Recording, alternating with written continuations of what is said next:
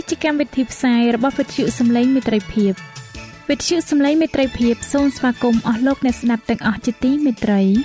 នាងខ្ញុំសេកសុចិន្តាវតី ហើយខ្ញុំបាទអង្ចាន់វិជ្ជៈក៏សូមស្វាគមន៍លោកអ្នកស្ដាប់ទាំងអស់ផងដែរនៅពេលនេះយើងខ្ញុំមានសេចក្តីសុំមនស្សរីករាយដោយបានវិលមកជួបអស់លោកអ្នកនាងកញ្ញាអ្នកស្ដាប់សាជាថ្មីម្ដងទៀត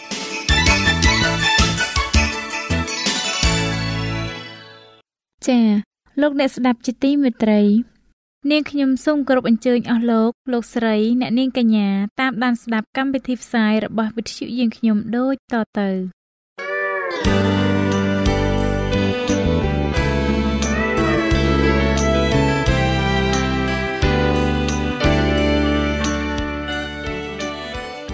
ព្រះបន្ទូលសម្រាប់អ្នកនៅថ្ងៃនេះព្រះគម្ពីរទំនុកដង្កើងចំពុក40ខ5បានចែងថាអោព្រះអង្គម្ចាស់ដ៏ជាព្រះនៃទូលបង្គំអើយ ការអស្ចារ្យដែលទ្រង់បានធ្វើនោះបានច្រើនណាស់ព្រមទាំងគំនិតដែលទ្រង់នឹកដល់យើងខ្ញុំផង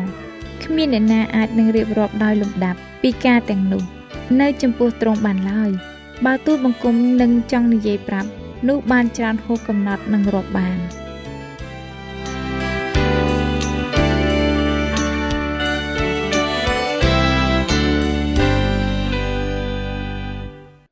ជំរាបសួរអស់លោកអ្នកស្ដាប់ទាំងអស់គ្នាជាទីមេត្រីសូមស្វាគមន៍មកកាន់នីតិសបាស្គូលប្រចាំសប្ដាហ៍មេរៀនសម្រាប់សប្ដាហ៍នេះមានចំណងជើងថា នៅពេលដែលព្រះបង្កើតផ្ទៃមេឃនិងផែនដីសម្រាប់លោកអ្នកដែលចង់បានមេរៀននេះប្រើប្រាស់នៅលើទូរស័ព្ទដៃ Android លោកអ្នកអាចទាញយកបានតាមរយៈ Play Store ដោយវាយពាក្យថាខ្មែរសបាស្គូលឬចុច link នៅក្នុង description ខាងក្រោមវីដេអូនេះក៏បាន។ អស់លោកអ្នកជាទីមេត្រីព្រះគម្ពីរបានចាប់ផ្ដើមឡើងដោយរឿងអំពីរបៀបដែលព្រះបានបង្កើតជីវិតនៅលើផែនដីនេះមេរៀននេះបង្ហាញយើងអំពីពេលវេលាដំបូងដែលប្រវត្តិសាស្ត្រនៃមនុស្សលោកនិងប្រវត្តិសាស្ត្រនៃព្រះគម្ពីរបានចាប់ផ្ដើមឡើងយើងអាចជឿទុកចិត្តបានថា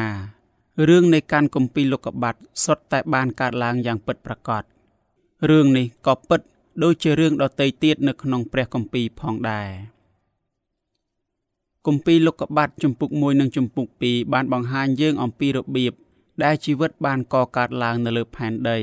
ព្រមទាំងបានបង្រៀនយើង នៅមេរៀនស្ដីអំពីព្រះនិងមនុស្សលោកពេលយើងអានជំពូកទាំងនេះយើងនឹងបានយល់បន្ថែមទៀតអំពីថ្ងៃសាបាតដែលជាថ្ងៃទី7នៃសប្តាហ៍យើងនឹងបានរៀនអំពីរបៀប ដែលព្រះបង្កើតមនុស្សលោកឲ្យដូចជារូបអង្គទ្រង់គឺព្រះបានបង្កើតមនុស្សលោកចេញពីធូលីដីមក យើងនឹងរៀនអំពីមូលហេតុដែលព្រះបង្កើតដើមដឹងខុសត្រូវយើងក៏នឹងសិក្សាអំពីទំនាក់ទំនងនៃដើមដឹងខុសត្រូវទៅនឹងដើមនៃជីវិតផងដែរតើអ្វីជាមេរៀនសំខាន់បំផុតដែលយើងអាចរៀនចេញអំពីរឿងនៅក្នុងកាន់គម្ពីរលោកុបាទនេះបាន យើងដឹងថា ជីវិតរបស់យើងគឺជាអំណោយទានមកពីព្រះ ព្រះបានបង្កើតផ្ទៃមេឃនិងផែនដី មុនពេលដែលទ្រង់បានបង្កើតមនុស្សមក ព្រះបានប្រទានអំណោយទាននៃជីវិតដល់មនុស្សលោក បន្ទាប់ពីលោកអាដាមនិងនាងអេវ៉ាបានធ្វើបាបរួចមក ព្រះបានប្រទានអំណោយទាននៃព្រះគុណរបស់ទ្រង់ដល់មនុស្សលោកថែមទៀតព្រះក៏បានបង្កើតយើងព្រមទាំងសង្គ្រោះយើងថែមទៀតផង ថ្ងៃទី7ឬថ្ងៃសបាតបានបង្ហាញយើងអំពីសេចក្តីពិតដ៏មានតម្លៃមួយនេះកាន់គម្ពីរលោកុបាតបានចាប់ដើមឡើងជាមួយនឹងសារមួយស្ដីអំពីព្រះដែលបានបង្កើតយើង យើងបានឃើញសេចក្តីពិតនេះ តាមរយៈពាក្យពេចន៍ដែលបានសរសេរឡើងថា ព្រះបានបង្កើតផ្ទៃមេឃនិងផែនដី ព្រះគឺជាពាក្យដ៏សំខាន់បំផុតនៅក្នុងឃ្លាដំបូងនេះ។ គម្ពីរលោកុបាទជំពូក1និងជំពូក2បានបង្ហាញយើងអំពីរូបភាពខុសគ្នាពីរយ៉ាងរបស់ព្រះជាម្ចាស់យើងបានឃើញរូបភាពទី1របស់ព្រះនៅក្នុងគម្ពីរលោកុបាទជំពូក1ខ1ដល់ខ24ខទាំងនេះបានបង្ហាញយើងថាព្រះទ្រង់ខ្ពស់ជាងមនុស្សលោកឆ្ងាយណាស់ពាក្យថាព្រះនៅក្នុងព្រះគម្ពីរលោកុបាទជំពូក1ខ1ប្រែមកពីពាក្យថា Elohim ដែលជាភាសាហេប្រឺពាក្យនេះបង្ហាញយើងថា ព្រះទ្រង់អស្ចារ្យនិងមានពេញទៅដោយអំណាចទាំងអស់ពាក្យអេឡូហ៊ីមគឺជាពហុវចនៈដូច្នេះពាក្យថាអេឡូហ៊ីមបានបង្ហាញយើងនៅបុគ្គលលើសពីមួយនាក់ពាក្យនេះក៏បានបង្ហាញយើងថា ព្រះទ្រង់ស្មោះត្រង់និងល្អឥតខ្ចោះជាងអ្នកណាទៀតទាំងអស់ យើងបានឃើញរូបភាពទី2របស់ទ្រង់នៅក្នុងគម្ពីរលោកុបាទចំពុក2ចាប់ពីខ4ដល់ខ25រូបភាពនេះបានបង្ហាញយើងអំពីព្រះកាន់តែច្បាស់ឡើងយេហូវ៉ាគឺជានាមរបស់ព្រះជាភាសាហេប្រឺនៅក្នុងខទាំងនេះ នាមនេះបង្ហាញយើងថា ព្រះចង់មានមិត្តភាពយ៉ាងជិតស្និទ្ធជាមួយនឹងយើងតើអ្វីជាមេរៀនដ៏សំខាន់បំផុតដែលយើងបានរៀនចេញពីរូបភាពទី2របស់ព្រះនេះ យើងបានដឹងថារឿងនៃការគម្ពីរលោកុបាទស្ដីអំពីជីវិត នោះគឺជាការត្រាស់ហៅឲ្យយើងថ្វាយបង្គំដល់ព្រះដ៏ពិត ដើម្បីធ្វើដូច្នោះបាន យើងត្រូវតែដឹងថាសេរីលំអនៃភាពស្មោះត្រង់និងអំណាចរបស់ទ្រង់នោះគឺជាការពិតជាមុនសិន ទន្ទឹមគ្នានេះ យើងក៏ត្រូវតែមានអារម្មណ៍ថា យើងត្រូវការព្រះយ៉ាងពិតប្រាកដយើងត្រូវតែពឹងផ្អែកទៅលើទ្រង់ទាំងស្រុង ពីព្រោះទ្រង់បានបង្កើតយើងមកឥឡូវនេះតើលោកអ្នកបានឃើញអំពីមូលហេតុដែលនាំឲ្យមានបទចម្រៀងជាច្រើននៃព្រះគម្ពីរបានផ្សារភ្ជាប់ទៅនឹងការថ្វាយបង្គំព្រះតាក់ទងនឹងរឿងស្ដីអំពីរបៀបដែលជីវិតបានកកើតឡើងនៅលើផែនដីនេះដែរឬទេអស់លោកអ្នកជាទីមេត្រីកាន់គម្ពីរលោកុបាទបានផ្ដល់ឲ្យយើងនៅរូបភាពពីរយ៉ាងរបស់ព្រះ ដើម្បីបង្ហាញយើងអំពីសេចក្តីពិតនៃព្រះគម្ពីរដ៏សំខាន់មួយ ដែលតាក់ទងទៅនឹងការថ្វាយបង្គំព្រះទ្រង់ស្មោះត្រង់និងមានពេញដោយអំណាច ព្រះអង្គពោពេញទៅដោយអំណាចនេះចង់នៅជាប់ជាមួយនឹងយើង យើងត្រូវតែបង្ហាញការគោរពដល់ទ្រង់ជានិច្ចព្រះចង់ឲ្យយើងមានអារម្មណ៍សប្បាយរីករាយដោយសារតែទ្រង់ស្រឡាញ់យើងទាំងចង់នៅគៀកជាមួយនឹងយើងប៉ុន្តែយើងក៏ត្រូវតែចងចាំដែរថា ព្រះទ្រង់ខ្ពស់ជាងយើងនិងពោពេញទៅដោយអំណាច ពេលនោះយើងនឹងយល់អំពីរបៀបថ្វាយបង្គំទ្រង់កាន់តែប្រសើរឡើង ហើយយើងក៏អាចនឹងរីករាយជាមួយនឹងទ្រង់ព្រមទាំងព្រះគុណរបស់ទ្រង់នៅក្នុងជីវិតរបស់យើងផងដែរព្រះទ្រង់មានអំណាចជាទីបំផុតទ្រង់បានទ្រទ្រង់អ្វីអ្វីគ្រប់យ៉ាងទាំងអស់នៅលើផែនដីនេះ នៅក្នុងគម្ពីរលោកុបាទ ជំពូក1ខ4ខ10ខ12ខ18ខ21ខ25និងខ31ព្រមទាំងគម្ពីរលោកុបាទជំពូក2ខ1ដល់ខ3តើហេតុអ្វីបានជាព្រះ បានមានបន្ទូលថាល្អណាស់បន្ទាប់ពីអវ័យអវ័យគ្រប់យ៉ាង ដែលទ្រង់បានបង្កើតពីមួយថ្ងៃទៅមួយថ្ងៃនោះតើព្រះបានធ្វើអ្វីនៅចុងសប្តាហ៍ បន្ទាប់ពីទ្រង់បានបញ្ចប់ការបង្កើតរបស់គ្រប់យ៉ាងនោះតើសកម្មភាពរបស់ទ្រង់នេះ បានបង្រៀនមេរៀនអ្វីដល់យើងដែរនៅចុងបញ្ចប់នៃថ្ងៃនីមួយនីមួយព្រះបានមានបន្ទូលថាទៅឬល្អណាស់ពាក្យថាទៅជាភាសាហេប្រឺបានបង្ហាញយើងថា ព្រះបានធ្វើកិច្ចការដ៏អស្ចារ្យមួយ អ្វីអ្វីគ្រប់យ៉ាងដែលព្រះបានបង្កើតនោះ គឺជាជោគជ័យ ម្ល៉េះហើយ នៅពេលដែលព្រះបានមានបន្ទូលថា ល្អណាស់ទ្រង់ចង់មានបន្ទូលថា គ្រប់យ៉ាងដំណើរការទៅយ៉ាងល្អបំផុតពន្លឺបានភ្លឺឡើងរុក្ខជាតិបានបង្កើតផលផ្លែលក្ខនឹងលក្ខពាក្យថាល្អណាស់បានបង្ហាញយើងថាអ្វីអ្វីគ្រប់យ៉ាងដែលព្រះបានបង្កើតនោះគឺដំណើរការទៅយ៉ាងល្អបំផុតអ្វីអ្វីគ្រប់យ៉ាងគឺស្រស់ស្អាតនិងល្អឥតខ្ចោះ ផងដែរត្បិតគ្មានសេចក្តីអាក្រក់ណាមួយ នៅក្នុងរបស់ដែលព្រះបានបង្កើតឡើងមកនោះឡើយផែនដីនៅពេលនោះមិនត្រូវបានបំផ្លាញដោយសារអំពើបាប និងសេចក្តីស្លាប់ដោយដែលយើងបានឃើញនៅសពថ្ងៃនេះនោះទេសពថ្ងៃនេះអ្នកវិទ្យាសាស្ត្រភាគច្រើនមិនបានបង្រៀនសេចក្តីពិតនៃព្រះគម្ពីរនេះទេ ពួកគេបានបង្រៀនថា ជីវិតនៅលើផែនដីនេះបានកើតឡើងដោយចៃដន្យអ្វីអ្វីគ្រប់យ៉ាងត្រូវបានបង្កើតឡើង តាមរយៈការប្រែប្រួលបន្តិចម្ដងបន្តិចម្ដង ដែលបានកើតឡើងជាយូរមកហើយ គេបានហៅគោលគំនិតនេះថាជាការវិវត្តព្រះដែលបណ្ដាលឲ្យលោកម៉ូសេបានកត់ត្រាកាន់គម្ពីរលោកុបាទបានផ្ដល់ការបកស្រាយខុសគ្នា មួយអំពីរបៀបដែលជីវិតបានកកើតឡើង ព្រះបានមានបន្ទូលតាមរយៈលោកម៉ូសេថាព្រះបានបង្កើតផែនដីនិងរបស់សពសារពើនៅក្នុងនោះផងដែរពាក្យដែលសរសេរថាបានបង្កើតនៅក្នុងកាន់គម្ពីរលោកុបាតបានប្រែមកពីពាក្យថាបារាដែលជាភាសាហេប្រឺពួកអ្នកសរសេរគម្ពីរបានប្រើពាក្យនេះដើម្បីពិពណ៌នាអំពីព្រះ និងអ្វីដែលទ្រង់បានបង្កើតតែប៉ុណ្ណោះ នៅពេលដែលព្រះបានបង្កើតរបស់អ្វីមួយ របស់នោះក៏បានកើតឡើងមួយរំពេចគ្មានការពន្យាពេលនោះឡើយ នៅចុងសប្តាហ៍នៃកិច្ចការរបស់ទ្រង់ព្រះបានមានបន្ទូលថាអ្វីអ្វីគ្រប់យ៉ាងដែលទ្រង់បានបង្កើតនោះល្អណាស់ព្រះបានបង្កើតអ្វីអ្វីគ្រប់យ៉ាងហើយព្រះក៏បានបញ្ចប់កិច្ចការរបស់ទ្រង់នៅក្នុងរយៈពេល6ថ្ងៃព្រមទាំងសម្រាប់នៅថ្ងៃសបាត ដែលជាថ្ងៃទី7នៃសប្តាហ៍ផងដែររីឯទ្រឹស្ដីការវិវត្តនិយមបានបង្រៀនយើងថាជីវិតនៅលើផែនដីនេះត្រូវចំណាយពេលរាប់លានឆ្នាំក្នុងការកកើតមកគោលគំនិតនេះមិនស្របជាមួយនឹងសេចក្តីពិតនៃព្រះគម្ពីរនោះឡើយតើហេតុអ្វីបានជាគោលគំនិតទាំងពីរនេះមិនអាចស្របគ្នាទៅបានតើថ្ងៃសបាតបង្ហាញយើងថា ព្រះបានបង្កើតផ្ទៃមេឃនិងផែនដីនៅក្នុងរយៈពេល6ថ្ងៃ ហើយទ្រង់បានសម្រាកនៅថ្ងៃទី7នោះដោយរបៀបណាតើសេចក្តីពិតនៃព្រះគម្ពីរនេះ អាចជួយឲ្យយើងរក្សាថ្ងៃសបាតឲ្យបានបរិសុទ្ធដោយរបៀបណាដែរ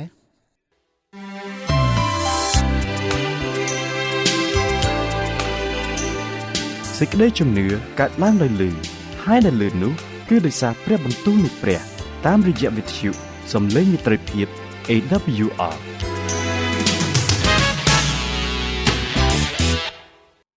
អរលោកអ្នកជាទីមេត្រីព្រះបានបង្កើតថ្ងៃសបាតដើម្បីបង្ហាញយើងថាទ្រង់បានបញ្ចប់កិច្ចការទាំងអស់របស់ទ្រង់នៅពេលដែលយើងសម្រាកនៅថ្ងៃសបាតដែលជាថ្ងៃទី7នោះយើងបានបង្ហាញសេចក្តីជំនឿទៅលើសេចក្តីពិតនៃព្រះគម្ពីរថាព្រះ បានសម្រាកបន្ទាប់ពីទ្រង់បានបញ្ចប់កិច្ចការរបស់ទ្រង់នៅពេលដែលយើងរក្សាថ្ងៃសបាតនោះប្រៀបដូចជាយើងនិយាយថាព្រះបានបង្កើតរបស់សពសារពើយ៉ាងល្អនិងស្រស់ស្អាតយ៉ាងដូច្នោះដែរយើងអាចសម្រាកពីកិច្ចការរបស់យើងនៅថ្ងៃសបាតដោយដែលព្រះបានសម្រាកពីកិច្ចការរបស់ទ្រង់ដែរនៅពេលដែលយើងរក្សាថ្ងៃសបាតនោះ យើងអាចបង្ហាញថា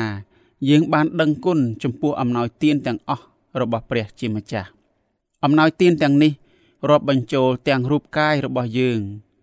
ពួកទស្សនវិទូខ្លះនៅសម័យព្រះគម្ពីរបានបង្រៀនថារូបកាយគឺជារបស់ដ៏អាក្រក់មួយ ហើយពួកទស្សនវិទូសម័យថ្មីក៏បានបង្រៀននៅគោលគំនិតនេះផងដែរប៉ុន្តែគោលគំនិតនេះមិនត្រឹមត្រូវឡើយ ព្រះគម្ពីរមិនបានបង្រៀនអំពីគោលគំនិតនេះទាល់តែសោះក្នុងនាមជាអ្នករក្សាថ្ងៃសបាតយើងបានថ្លែងអំណរគុណចំពោះអំណោយទានទាំងអស់របស់ព្រះ រួមទាំងរូបកាយរបស់យើងនេះហើយគឺជាមូលហេតុដែលនាំឲ្យយើងយកចិត្តទុកដាក់ចំពោះផែនដីនេះព្រមទាំងខ្លួនយើងទៀតផងថ្ងៃសបាតនឹងផ្ដល់ឲ្យយើង នៅសេចក្តីសង្ឃឹមសម្រាប់អនាគតដ៏ភ្លឺស្វាងមួយ ថ្ងៃសបាតគឺជាសេចក្តីសន្យា នៅពេលដែលថ្ងៃសបាតបានបញ្ចប់សម្រាប់សប្តាហ៍នីមួយៗនោះ យើងក៏បានឃើញថាព្រះនឹងបញ្ចប់ការឈឺចាប់របស់យើងនាពេលអនាគតបន្ទាប់ពីមនុស្សលោកបានធ្វើបាបរួចមក ថ្ងៃសបាតបានបង្ហាញយើងថា ព្រះនឹងសង្គ្រោះយើង ថ្ងៃសបាតក៏បានបង្ហាញយើងថា ព្រះនឹងបង្កើតផែនដីនេះជាថ្មីឡើងវិញ ដោយដែលមានចែងនៅក្នុងគម្ពីរអេសាយជំពូក65ខ17គម្ពីរវិវរណៈជំពូក21ខ1ជាដើម ពេលនោះ ព្រះនឹងបញ្ចប់អំពើបាបនិងការឈឺចាប់ទាំងអបាលមានជារៀងរហូតព្រះយេស៊ូវបានជ្រើសរើសថ្ងៃសាបាតទុកជាពេលវេលាដ៏ល្អមួយ ក្នុងការព្យាបាលមនុស្សនិងបញ្ឈប់ការឈឺចាប់ទាំងឡាយ ពួកមេដឹកនាំសាសយូដាបានខឹងជាខ្លាំងនៅពេលដែលព្រះយេស៊ូវបានព្យាបាលបុរសម្នាក់នៅថ្ងៃសាបាតពួកគេបានចោទប្រកាន់ព្រះយេស៊ូវថាទ្រង់បានរំលងក្រឹតវិន័យប៉ុន្តែព្រះយេស៊ូវបានបង្ហាញពួកគេក៏ដូចជាយើងដែរថា យើងគួរតែមើលថែរក្សាអ្នកជំងឺនៅថ្ងៃសបាតយើងក៏គួរតែបង្ហាញការអាណិតអាសូរដល់អ្នកដែលកំពុងតែត្រូវការជំនួយពីយើង ទោះបីជានៅថ្ងៃបរិសុទ្ធក្តី នៅពេលដែលព្រះព្យាបាលអ្នកជំងឺនៅថ្ងៃសបាតនោះទ្រង់បានបង្ហាញយើងអំពីអនាគតកាលដែលសេចក្តីឈឺចាប់និងសេចក្តីស្លាប់នឹងត្រូវបានបញ្ចប់ជារៀងរហូត ព្រះបានបង្កើតមនុស្សលោក បន្ទាប់ពីទ្រង់បានបង្កើតរបស់ផ្សេងផ្សេងរួចមក មនុស្សលោកគឺជាស្នាមព្រះហស្ថដ៏អស្ចារ្យបំផុតដែលព្រះបានបង្កើតឡើង ព្រះបានបង្កើតមនុស្សលោកឲ្យដូចជារូបអង្គទ្រង់ ម្ល៉េះហើយ បានជាយើងមើលទៅស្រដៀងគ្នានឹងព្រះដែរត្បិតយើងគ្រាន់តែជារូបកាយដែលព្រះបានបង្កើតឲ្យដូចជារូបអង្គទ្រង់តែប៉ុណ្ណោះ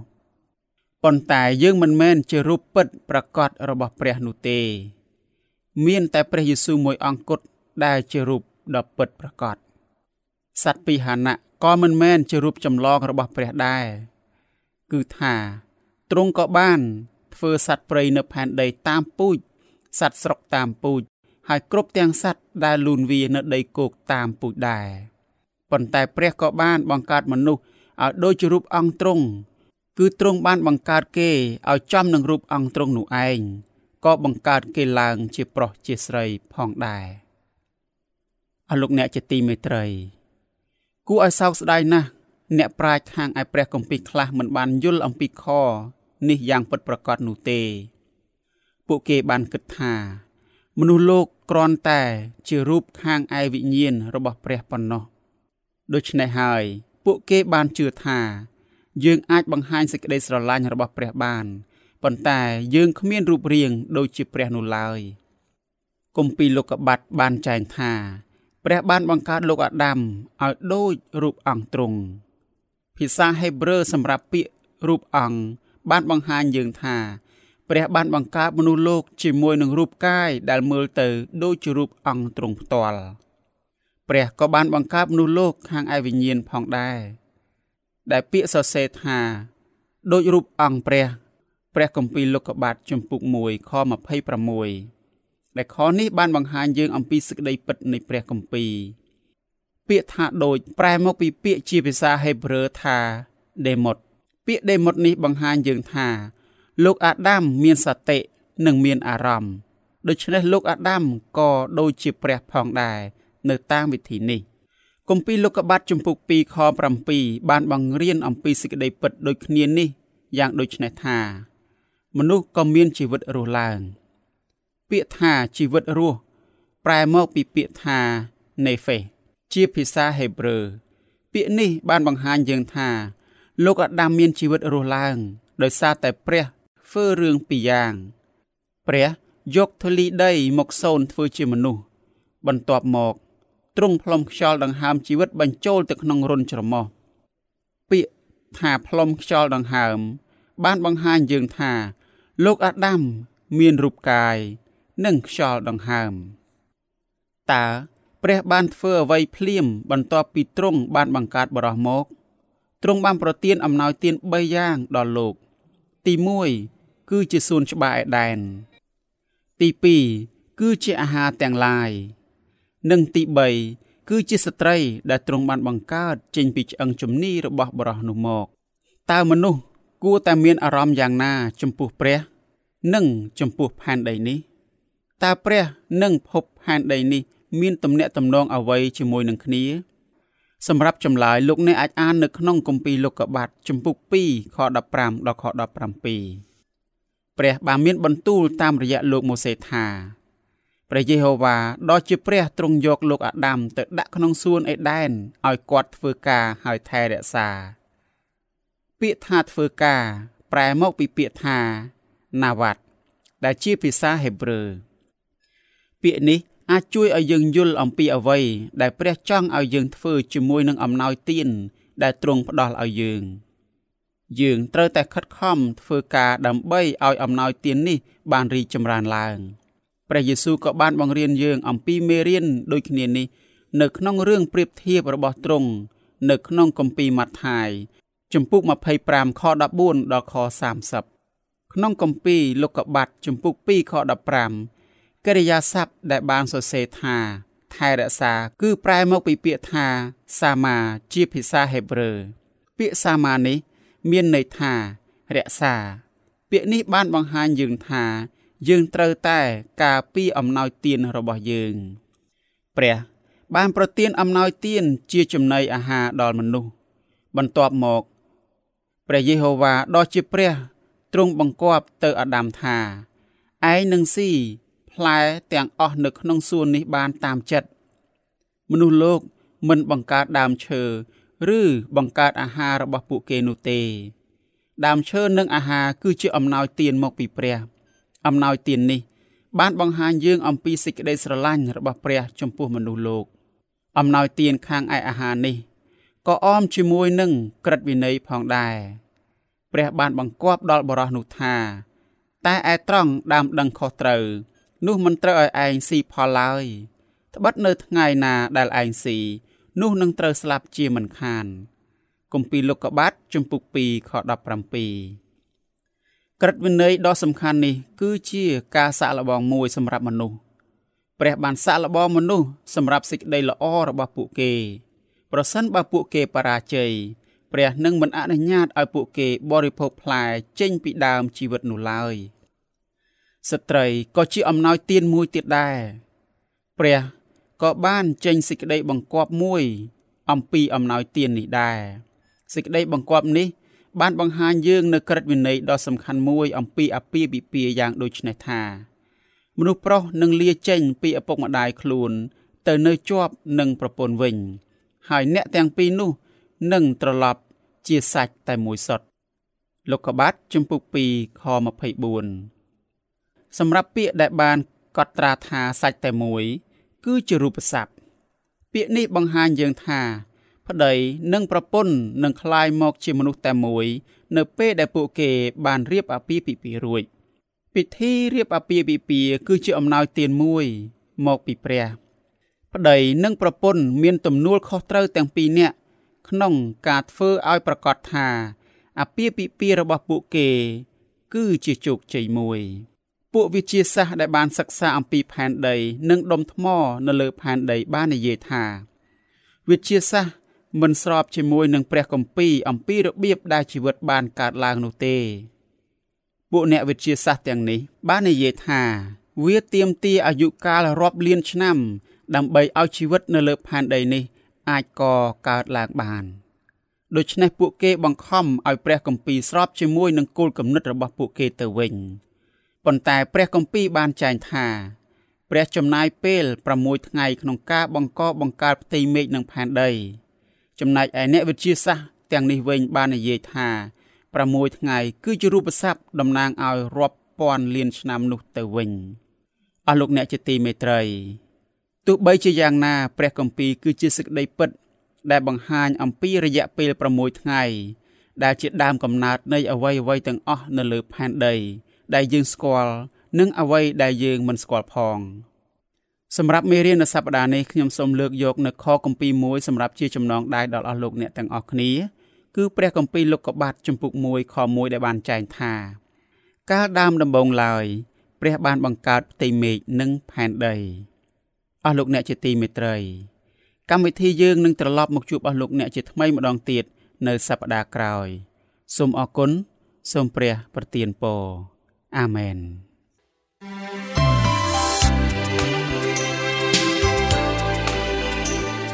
វិទ្យុសំឡេងមេត្រីភាព AWR មានផ្សាយពីរដងក្នុងមួយថ្ងៃ គឺព្រឹកនៅម៉ោង6និងពេលយប់នៅម៉ោង8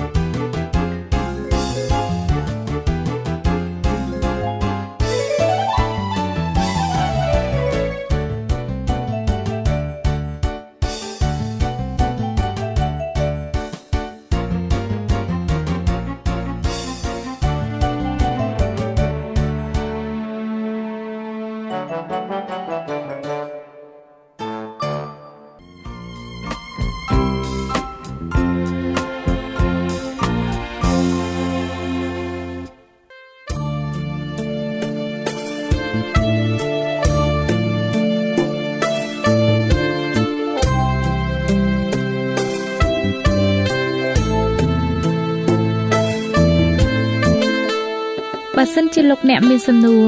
ឬសំណុំពរអ្វីសូមតាក់ទងមកការិយាល័យវិទ្យុយើងខ្ញុំ តាមអាស័យដ្ឋានផ្ទះលេខ15ផ្លូវលេខ568សង្កាត់បឹងកក់2ខណ្ឌទួលគោករាជធានីភ្នំពេញលោកអ្នកក៏អាចសរសេរសម្បត្តិផ្ញើមកយើងខ្ញុំតាមរយៈប្រអប់សម្បត្តិលេខ488ភ្នំពេញឬតាមទូរស័ព្ទលេខ012 34 96 64ឬ097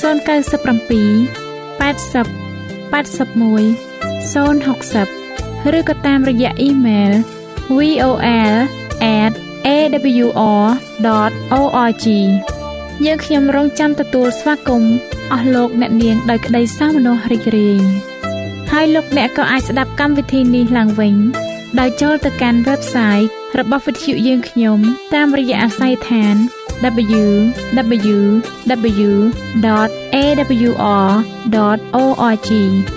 លោកអ្នកនាងកញ្ញាជាទីមេត្រី កម្មវិធីផ្សាយរបស់វិទ្យុសំឡេងមេត្រីភាពនៅពេលនេះសូមបញ្ចប់តែប៉ុណ្ណេះយើងខ្ញុំសូមអរគុណចំពោះការតាមដានស្ដាប់របស់អស់លោកអ្នកតាំងពីដើមរហូតដល់ចប់យើងខ្ញុំសូមជូនពរឲ្យអស់លោកអ្នកនាងកញ្ញាទាំងអស់បានចម្រើនឡើងក្នុងព្រះគុណព្រះអង្គម្ចាស់ ហើយក្នុងការទទួលយកព្រះយេស៊ូវគ្រីស្ទជាព្រះអង្គម្ចាស់និងជាព្រះអង្គសង្គ្រោះនៃយើងរាល់គ្នានាទីផ្សាយរបស់វិទ្យុយើងខ្ញុំនឹងវិលមកជួបអស់លោកអ្នកសាជាថ្មីម្ដងទៀតនៅថ្ងៃស្អែកវេលាម៉ោងដដែលនាងខ្ញុំសេកសុចិន្តាវតីនិងខ្ញុំបាទអ៊ំច័ន្ទវិជ្ជៈសូមអរគុណសូមជម្រាបលា